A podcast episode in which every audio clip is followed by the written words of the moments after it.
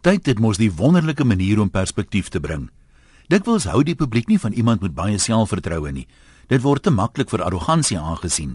Veral Afrikaanse mense wat op skool geleer het om voorbeeldig te wees en niks wat die leiersfigure sê te bevraagteken nie, verkies meestal nederige mense. Mense wat hulle bes doen om in te pas en nie aanstoot te gee nie.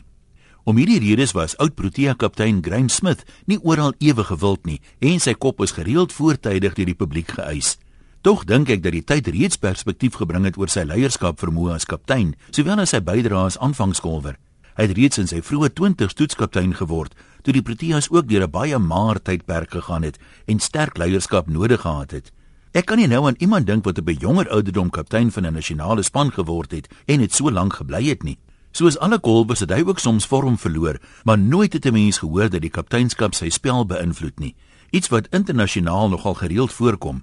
Die kenners sê nou 'n uitdagende spesialisposisie soos aanvangskolwer verg meer ondervinding as byvoorbeeld om op nommer 4 te golf.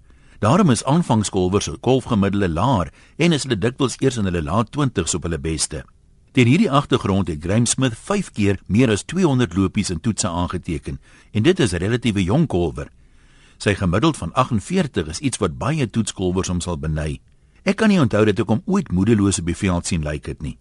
En 'n opmerking soos die van AB de Villiers na die Wanderers toets dat hy gevoel het daar is geen hoop meer nie, sou jy nooit uit Graham se mond gehoor het nie.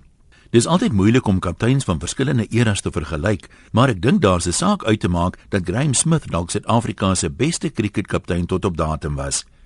Die Afrikaanse publiek het wel meer van Hansie Cronje gehou met sy beeld as goeie Afrikaner Christen seun in die Vrystaat. En was dit nie daarvoor dat Hansie lewenslank uit kriket geskort is nie, sou hy beslis 'n sterker kandidaat gewees het. Ek onthou nog toe die eerste beweringe van knoeiery teen Hansie gemaak is en hoe ons gedink het, wie is die uitvaagsel wat dit waag om ons Hansie so vals te beskuldig? Dit was bloot ondenkbaar. Maar terug by Graham Smith. Hy verdien beslis meer erkenning as wat hy by die publiek gekry het, maar miskien kan ons iets hieruit leer.